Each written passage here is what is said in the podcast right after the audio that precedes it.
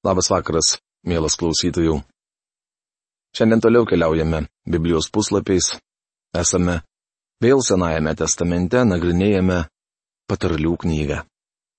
Mes esame pradėję pirmos skyriaus apžvalgą ir dar jų nebaigėme. Šiandien nagrinėsime paskutinę pastraipą, tai yra kvietimas į išminties mokyklą. Ir pradėsime antros skyriaus apžvalgą. Bet prieš pradėdamas apžvalgą noriu paprašyti Dievo palaiminimo.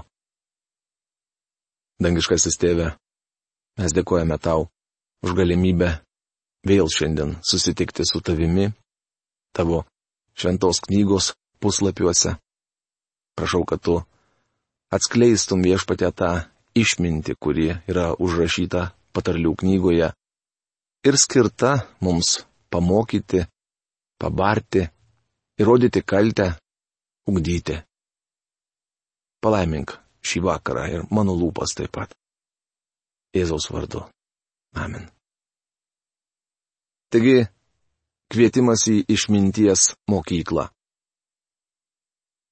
Išmintis garsiai šaukia gatvėje, kelia balsą aikštėse, patarlių knygos pirmos kiriaus 20 eilutė. Išmintis kviečia jaunuolį ateiti į mokyklą ir šio to išmokti ateikite į jos gimnaziją. Prie judriausių gatvės kampų iššaukia, prie vartų ir mieste kalba. Kiek ilgai neišmanėliai mėgsite nemokšiškumą, kiek ilgai šaipūnai mėgausis šaipydamiesi, o kvailieji nekes išmanimo. Patarlių knygos pirmos kiriaus 21-22 eilutės. Nemokšiškumas yra paikumas. Išmintis klausia, kiek ilgai dar būsite paiki. Jaunolis, kuriam dabar virš 20 metų, papasakojo man, jog trejus metus buvo priklausomas nuo narkotikų. Jis vis kartojo, ak daktarė Magi, koks aš buvau kvailas. O štai klausimas jums. Kiek ilgai dar būsite paikas? Kada teisite išminties mokyklą?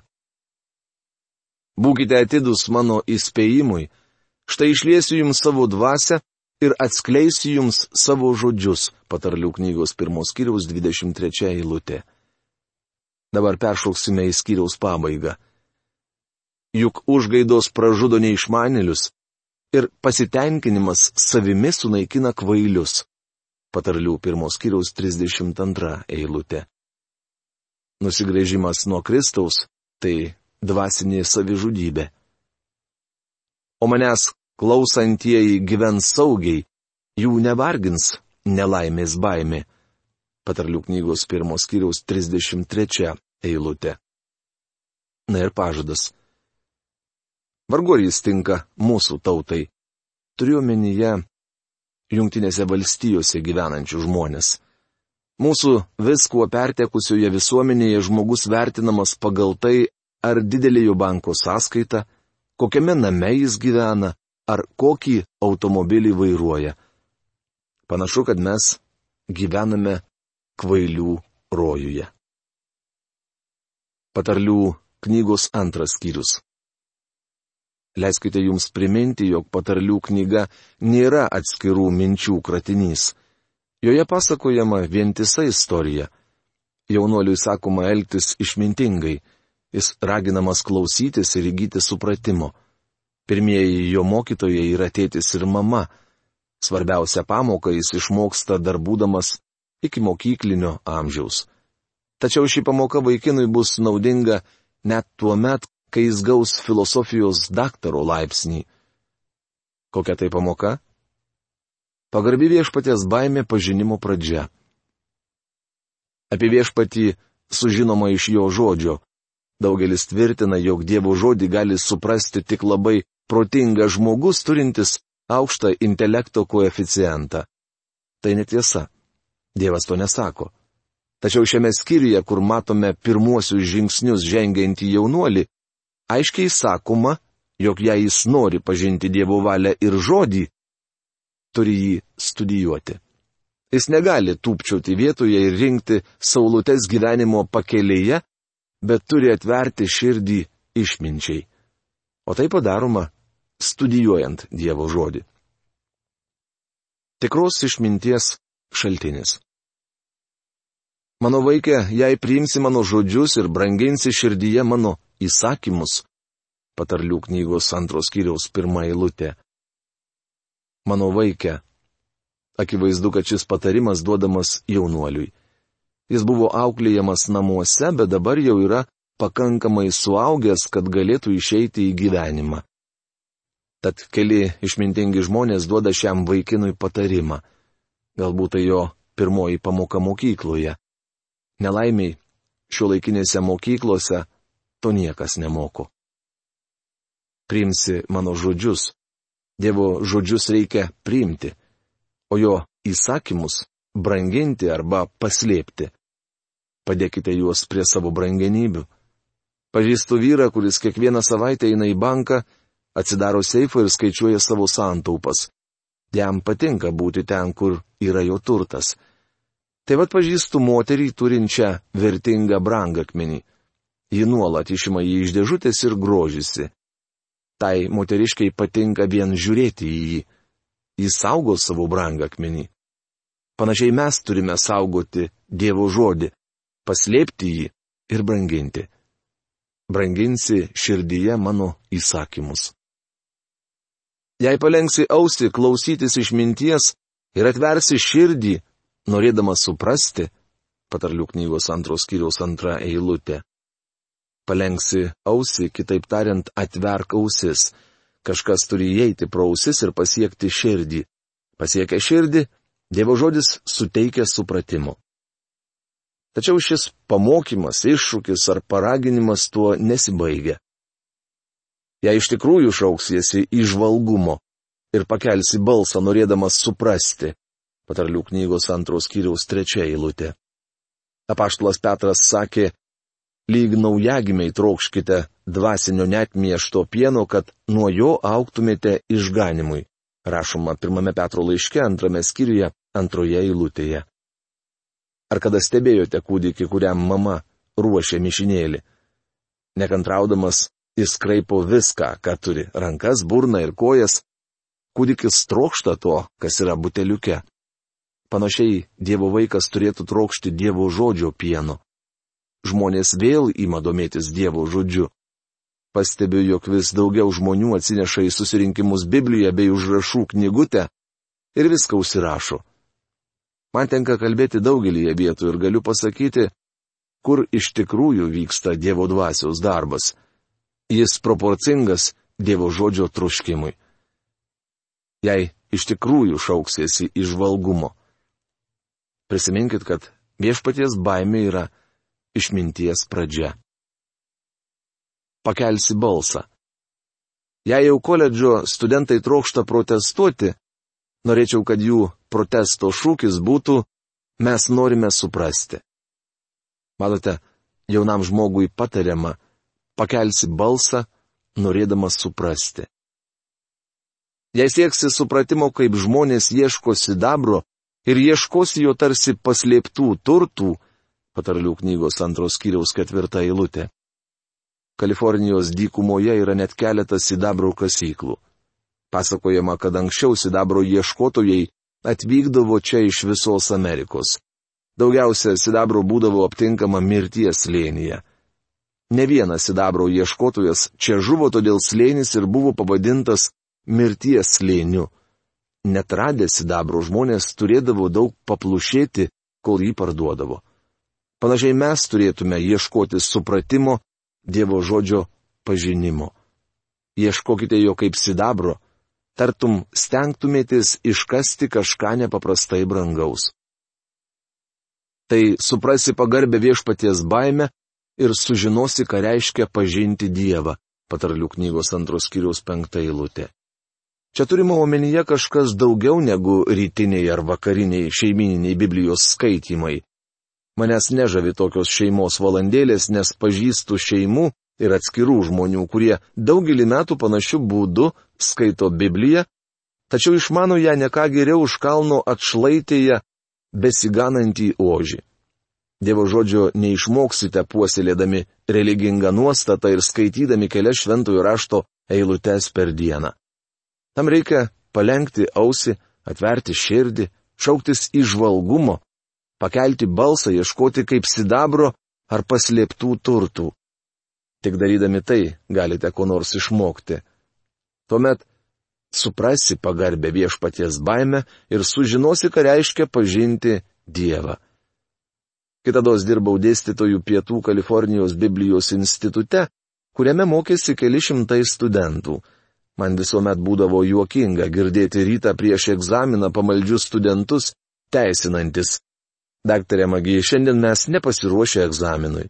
Matote, vakar dalyvavome maldos vakare. Tuomet aš jų klausdavau, už ką meldytės, Jie imdavo porinti, jog meldėsi už Kiniją, Afriką ir kitas tolimas šalis.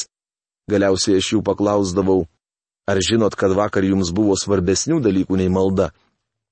Jie pažvelgdavo į mane su nuostaba, svarbesnių negu malda? Taip sakydavau aš. Būna laikas melstis ir būna laikas studijuoti. Tada parodydavau jiems patarlių knygos antrą skyrių ir sakydavau, vakar vakare jums reikėjo kasti, ieškoti. Čia nieko nekalbama apie maldos susirinkimą. Mokykloje šie jauni žmonės turėjo mokytis Dievo žodžio. Aš niekuomet nepriimdavau pasiteisinimo, kad studentas nepasiruošė egzaminui, nes užuot studijavęs Dievo žodį, dalyvavo maldos susirinkime. Kiti studentai buvo užaugę šeimose, kurios apsiribodavo trumpais rytiniais Biblijos skaitymais. Jie perskaitydavo kelias eilutes ir pasidėdavo Bibliją po pagalbę. Aš sakydavau jiems, nieko iš to nebus. Nesitikėkite, kad išmoksite Izraelio ir Judo karalių vardus per vieną naktį, pasikišę Bibliją po pagalbę. Pažinimas neprasiskverps pro žasies plunksnas į jūsų smegenis. Taip Dievo žodžio neišmoksite. Pamenu seminarijoje mums buvo užduota perskaityti nuobodžią teologijos knygą, visai nepanašią į detektyvinį romaną. Mūsų laukė sunkus testas, tad vienas mano bendraklasis pasiskundė profesoriui. Daktarė, tai sausiausia knyga, kokią tik man kada nors yra tekę skaityti. Profesorius atsakė, tuomet sudėkink ją savo kaktos prakaitu. Nėra lengvo, stebuklingo būdo išmokti Dievo žodžio tiesų. Jei norite šitą sužinoti, teks paimti į rankas kastuvą. O tam nereikia aukšto intelekto koeficiento. Paklausykite, kas sakoma kitoje eilutėje. Juk viešpats duoda išminties, iš jo lūpo ateina pažinimas ir supratimas. Patarlių knygos antros kiriaus šešta eilutė. Jei jums trūksta išminties, prašykite ir viešpats jums jos duos. Ko akis neregėjo, ko ausis negirdėjo, kad žmogui į mintį neatėjo, tai paruošė Dievas tiems, kurie jį myli. Tad kaip mes galime tai sužinoti? Dievas mums tai apreiškia per dvasę, nes dvasia visą ištiria. Net Dievo gelmes rašoma pirmame laiške korintiečiams antrame skyriuje, devintoje dešimtoje eilutėse. Mums tai apreiškia Dievo dvasia. Šiandien ji yra mūsų mokytojas. Vienas iš nuostabiausių dalykų, kurį patyriau būdamas jaunas krikščionis, buvo tai, kad šventoji dvasia gali atverti man dieviškas tiesas. Štai kodėl tie, kurie neturi filosofijos ar teologijos mokslų daktaro laipsnio, kartais išmano Dievo žodį kur kas geriau už kitus. Kai būdamas jaunas pamokslininkas tarnavau Nešvilyje, Tenesio valstijoje, Dievo žodžio skelbėjams buvo siūloma pasinaudoti radio programa, kurią transliuodavo 6 val. ryto. Kitų tarnautojų ji visai nesudomino, tačiau aš buvau jaunas ir nevedęs, tad toks ankstyvas metas manęs negazdino. Bandžiau mokyti Dievo žodžio radio bangomis, tačiau regis mano pamokos nedomino nieko, išskyrus vieną juodaodę ponę. Kiekvieną rytą ji eidavo pro bažnyčią, kurioje aš tarnavau. Kartais sutikdavau ją prie bažnyčios durų, tvarkydamas skelbimų lentą. Pakeliu į darbą jį prieidavo prie manęs ir užkalbindavo. Daktarė Magi, šį rytą klausiausi jūsų laidos ir tuomet imdavo diskutuoti apie tai, ką buvo girdėjusi per radiją.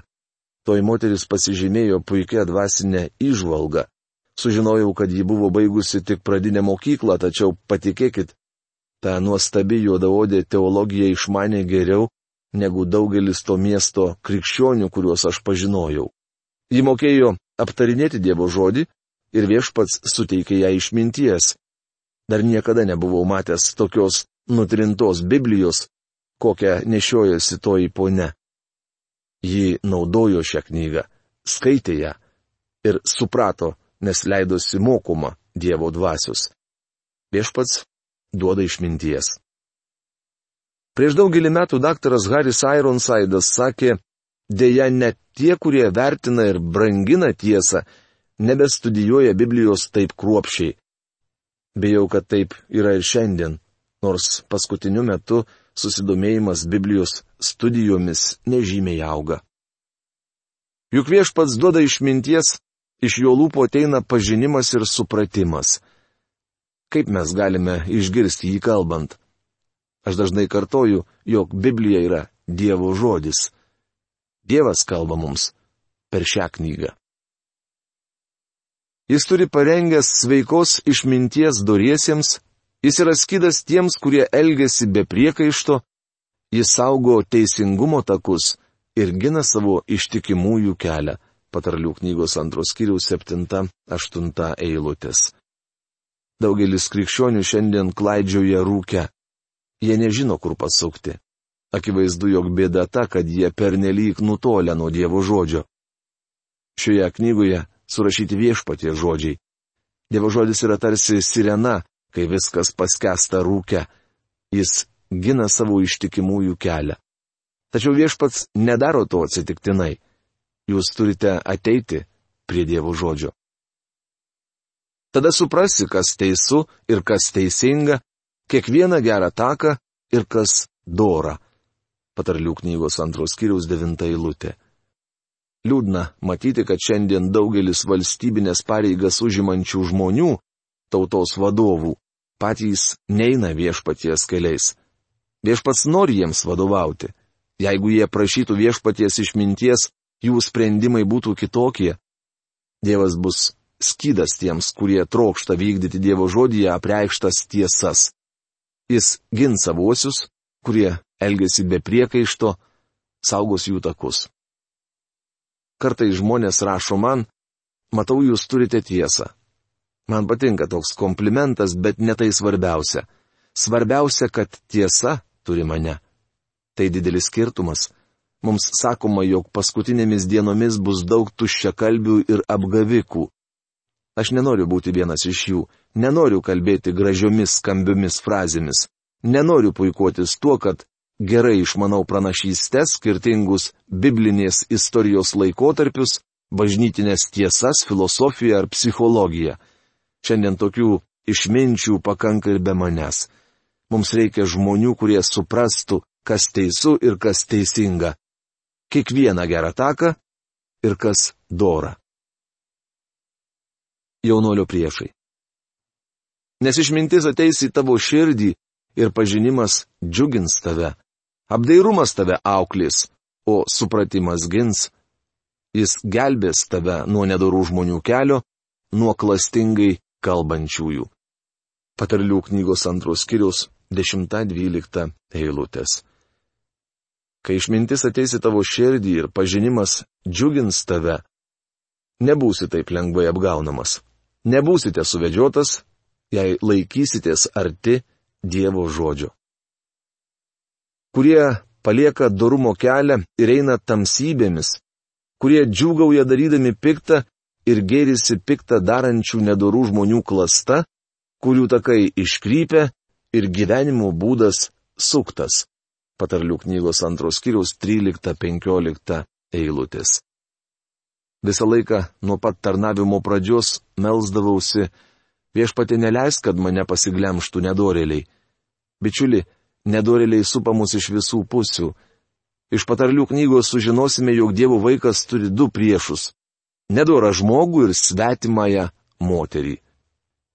Jaunuolis žengiantis gyvenimo keliu pirmosius žingsnius įspėjama saugotis pikto žmogaus. Su juo susidėti pavojinga. Po tėvo mirties, būdamas 16 metų, išvykau į Detroitą, Mičigano valstiją, kur įsidarbinau Kadilako kompanijoje susidėjau su nedurai žmonėmis. Kiekvieną šeštadienio vakarą važiuodavome į Kanadą, Vitsorą, kur buvau supažindintas su nauju pasauliu, tai yra gauja nedorėlių. Po kelių savaičių ėmiau ilgėtis namų ir nusprendžiau grįžti. Be to visą tą laiką dieną naktį jaučiau širdyje kaltinimą. Kai grįžau namo, tarnautojas paaiškino man, kaip aš galiu turėti ramybę su Dievu ir būti išteisintas tikėjimu. Tačiau aš niekuomet neužmiršiu tų nedorų žmonių. Jaunuolis turėtų jų saugotis. Jis įspėjamas saugotis ir palaidūnės arba, kaip verčia kostas burbulys, svetimos moters. Tiksliau būtų versti svetimesnės moters. Būsi išgelbėtas ir nuo palaidūnės, nuo viliojimo svetimautojos, kuri pameta savo jaunystės draugą ir užmiršta savo šventąją sandūrą. Iš tikrųjų jos namai ant mirties šlaito, o jos takai veda į šešėlių buveinę. Kas pas ją įeina, nebegali nei sugrįžti, nei gyvenimo takų pasiekti. Tad eik gerųjų keliu ir laikykis teisių žmonių takų. Juk dorėjai gyven žemėje, o klastingiai bus iš jos išrauti. Patarlių knygos antros kiriaus 16-22 eilutės. Kas toji svetima moteris? Dievas buvo davęs Izraeliui įstatymą, kuris draudė izraelitėms paleistuvauti. Esu tikras, jog bet kuri tai pasielgusi būdavo toj pat atskiriama nuo Izraelio ir priskiriama prie nusidėjėlių, o vėliau prie muitininkų. Svetimautoje arba svetimoji buvo kita tautė pagonė. Ji matė, jog čia gali pelningai versti savo amatu. Taigi svetima moteris buvo svetim šalė atvykusi į Izraelį verstis prostituciją. Jaunuolis įspėjamas saugotis jos. Vaikinas įspėjamas apie tai, kas jam gali nutikti. Kas pas ją įeina, nebegali nei sugrįžti, nei gyvenimo takų pasiekti toks žmogus praras sveikatą. Bažnyčios vyresnysis papasakojo man, kaip kitados vienas neatsakingas poelgis vos nepražudė jo gyvenimo. Jis sakė, sykį su vaikinais išėjome į miestą ir to vieno sykio užteko, kad pasigaučiau venerinę lygą. Man prireikė kelių metų, kad visiškai išsigydyčiau jos pasiekmes. Tas nuotykis vos nesugriovė man gyvenimo. Dievas įspėja, kad taip gali atsitikti. Šio laikinėje visuomenėje nesantuokinis seksas laikomas normaliu reiškiniu. Nieko nuostabaus, kad venerinių susirgymų skaičius sparčiai artėja prie epidemijos ribos. Kai buvau jaunas priklausiau organizacijai, kurios vadovas buvo gydytojas. Matydamas, kad aš ir kiti vaikinai daug šlaistomės gatvėmis, jis pasikvietė mus draugiškai pasikalbėti.